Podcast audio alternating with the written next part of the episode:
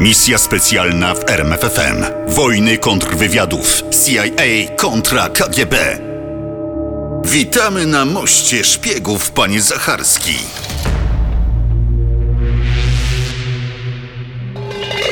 To nie był tylko ten jeden most. Takich punktów było kilka. Słynny amerykański checkpoint Charlie, gdzie podczas kryzysu berlińskiego w sierpniu 1961 roku mierzyły do siebie amerykańskie i radzieckie czołgi. I kolejny na ulicy Herstrasse, gdzie na czerwoną stronę żelaznej kurtyny przeszedł radziecki nielegał Konon Mołody. Ale to most zyskał największą sławę. Jego historyczna nazwa to Most Glinikę, lecz w NRD nazywano go Mostem Jedności. Ale do historii przeszedł jako most szpiegów. Łączył dwa brzegi Haweli, a w czasie zimnej wojny połączył dwie strony żelaznej kurtyny. Na samym środku mostu wymalowano białą farbą linię.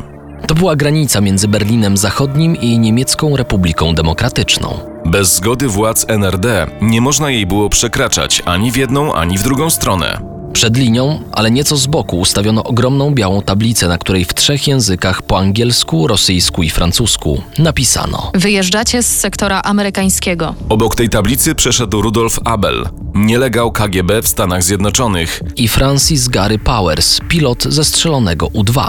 i kret czeskiego wywiadu w CIA, Karl Koeher. A wreszcie i nasz as Marian Zacharski, polski szpieg w USA. i wielu, wielu innych. Do pierwszej wymiany szpiegów doszło w lutym 1962, ale ta historia zaczęła się dużo, dużo wcześniej, kiedy Andrzej Kajotis, litewski emigrant w USA, wybrał się na wycieczkę do Europy. Podczas pobytu w Danii zdecydował się odwiedzić rodzinę i znajomych w Litewskiej Republice Radzieckiej. Na wjazd do Związku Radzieckiego potrzebował jednak zgody ambasady. Wydamy wam, Andrzeju Jurgiesowiczu, specjalny dokument, który pozwoli wam na wjazd do kraju. Przepisy nakazują jednak oddanie paszportu. Ale nie martwcie się. Kiedy będziecie wracać, paszport zostanie wam zwrócony. Kajotis pojechał na Litwę. A tymczasem jego paszport poleciał do Warszawy. Tam w ambasadzie radzieckiej przekazano go niejakiemu Williamowi Fisherowi.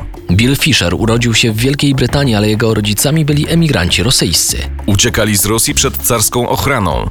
Mieszkali w Wielkiej Brytanii kilkanaście lat. Wrócili do Rosji po rewolucji październikowej. Gdy tylko młody William podrósł i odbył służbę wojskową, przyjęto go do wywiadu zagranicznego INO NKWD. Po 20 latach służby zaproponowano mu trudną służbę nielegała. Zgodził się. Przeszedł szkolenie i jako agent w październiku 1948, pojawił się w Warszawie. Tam czekał na niego paszport Kajotisa. Do Ameryki ruszył przez Czechosłowację i Szwajcarię.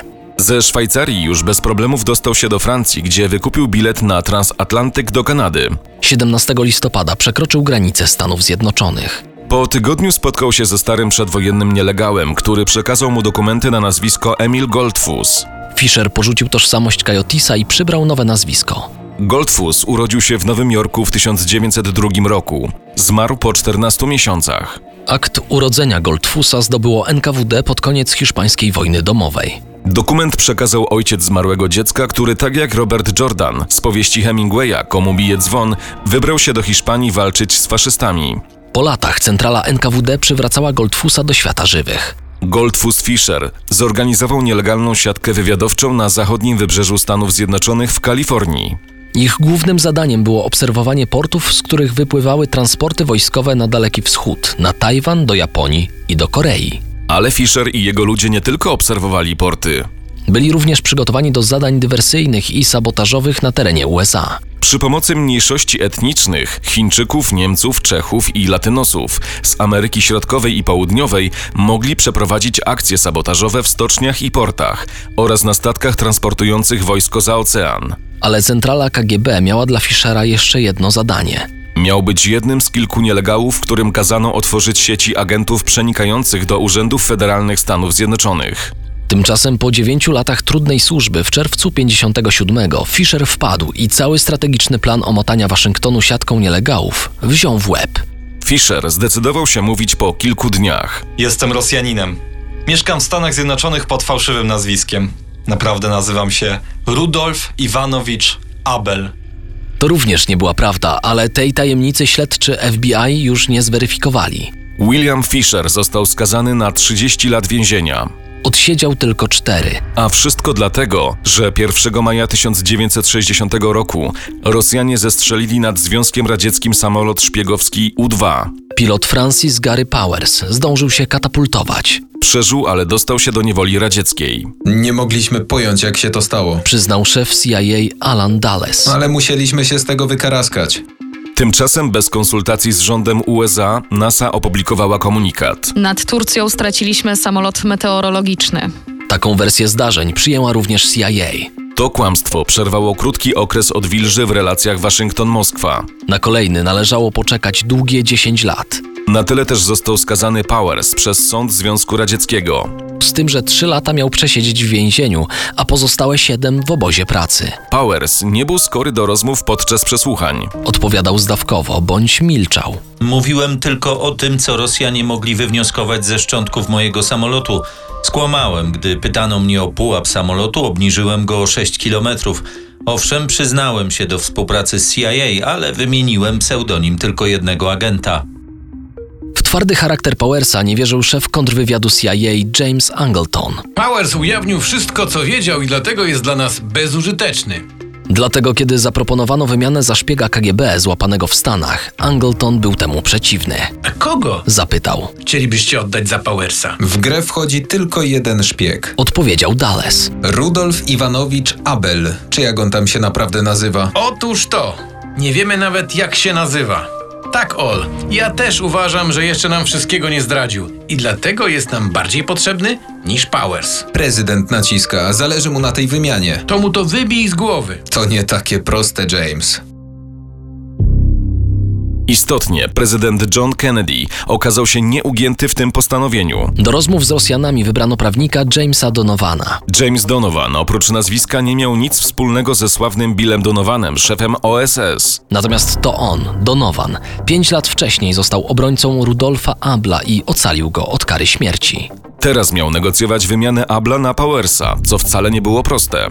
Moskwa również przykładała dużą wagę do negocjacji. Towarzysze z KGB i biura politycznego nie mieli przy tym zaufania do Amerykanów. Obawiano się prowokacji i oszustwa. Kiedy więc po trwających rok przepychankach ustalono wreszcie datę wymiany na 10 lutego, Kiedy zdecydowano, że wymiana nastąpi na moście Glinikę, do Berlina ruszyła tajna grupa KGB. dano jej proste zadanie obserwować, czy Amerykanie nie przygotowują jakiejś zbrojnej prowokacji w pobliżu mostu. Nieopodal kolejna grupa specnazu KGB czekała na rozkaz do ataku. Oczywiście tylko w takim wypadku, gdyby wymiana nie przebiegała według ustalonych zasad. Na szczęście wszystko odbyło się zgodnie z planem. Rudolf Abel, a tak naprawdę William Fisher, poleciał do Moskwy.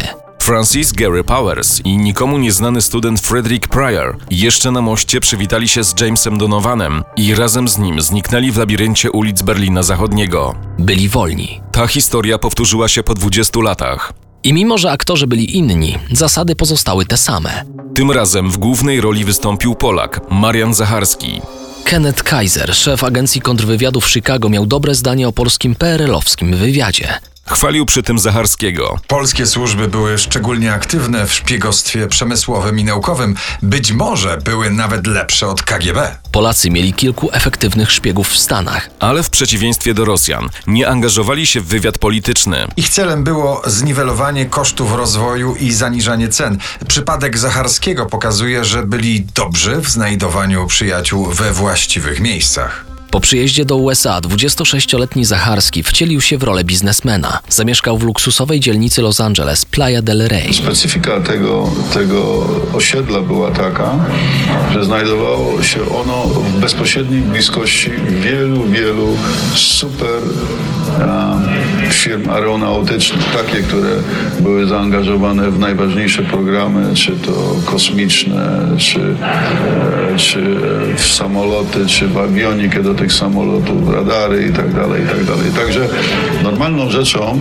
należało zakładać, że na tym osiedlu mieszka wielu bardzo interesujących inżynierów. Grał dobrze swoją rolę, skoro udało mu się zdobyć zaufanie Williama Bella, inżyniera firmy Hughes Aircraft Corporation, wykonującej pracę na zlecenie rządu Stanów Zjednoczonych.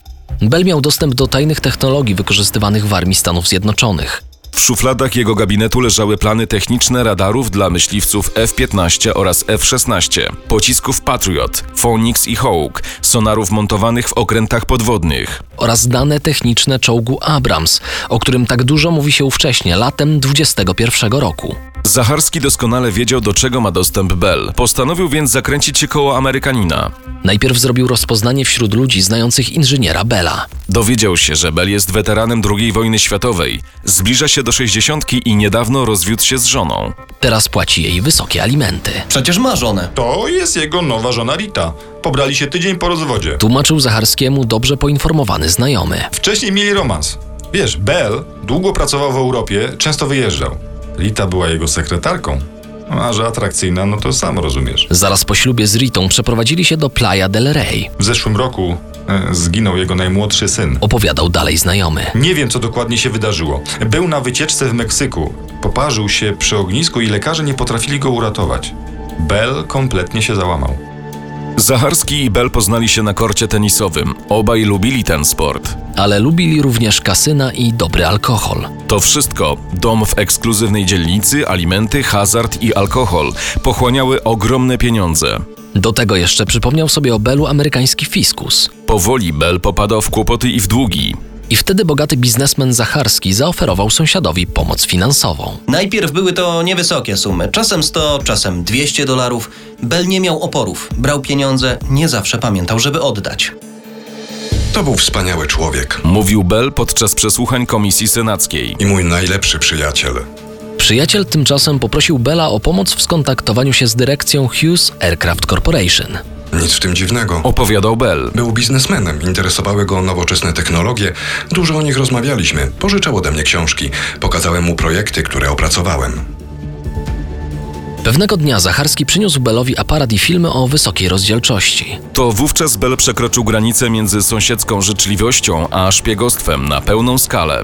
Nie był naiwny, wiedział, że pieniądze, jakie zaproponował mu Zacharski, to cena za ściśle tajne dokumenty. W sumie Zacharski wypłacił Bellowi 110 tysięcy dolarów w gotówce i 60 tysięcy dolarów w złotych monetach. Kiedy Bell przyjrzał im się dokładniej, zobaczył daty wybicia monet 1897, 1899 i 1904.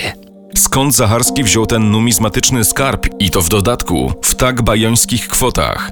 To były pieniądze polskiego wywiadu, zdobyte, jak można przypuszczać, w operacji Żelazo. O czym już w misji specjalnej opowiadaliśmy.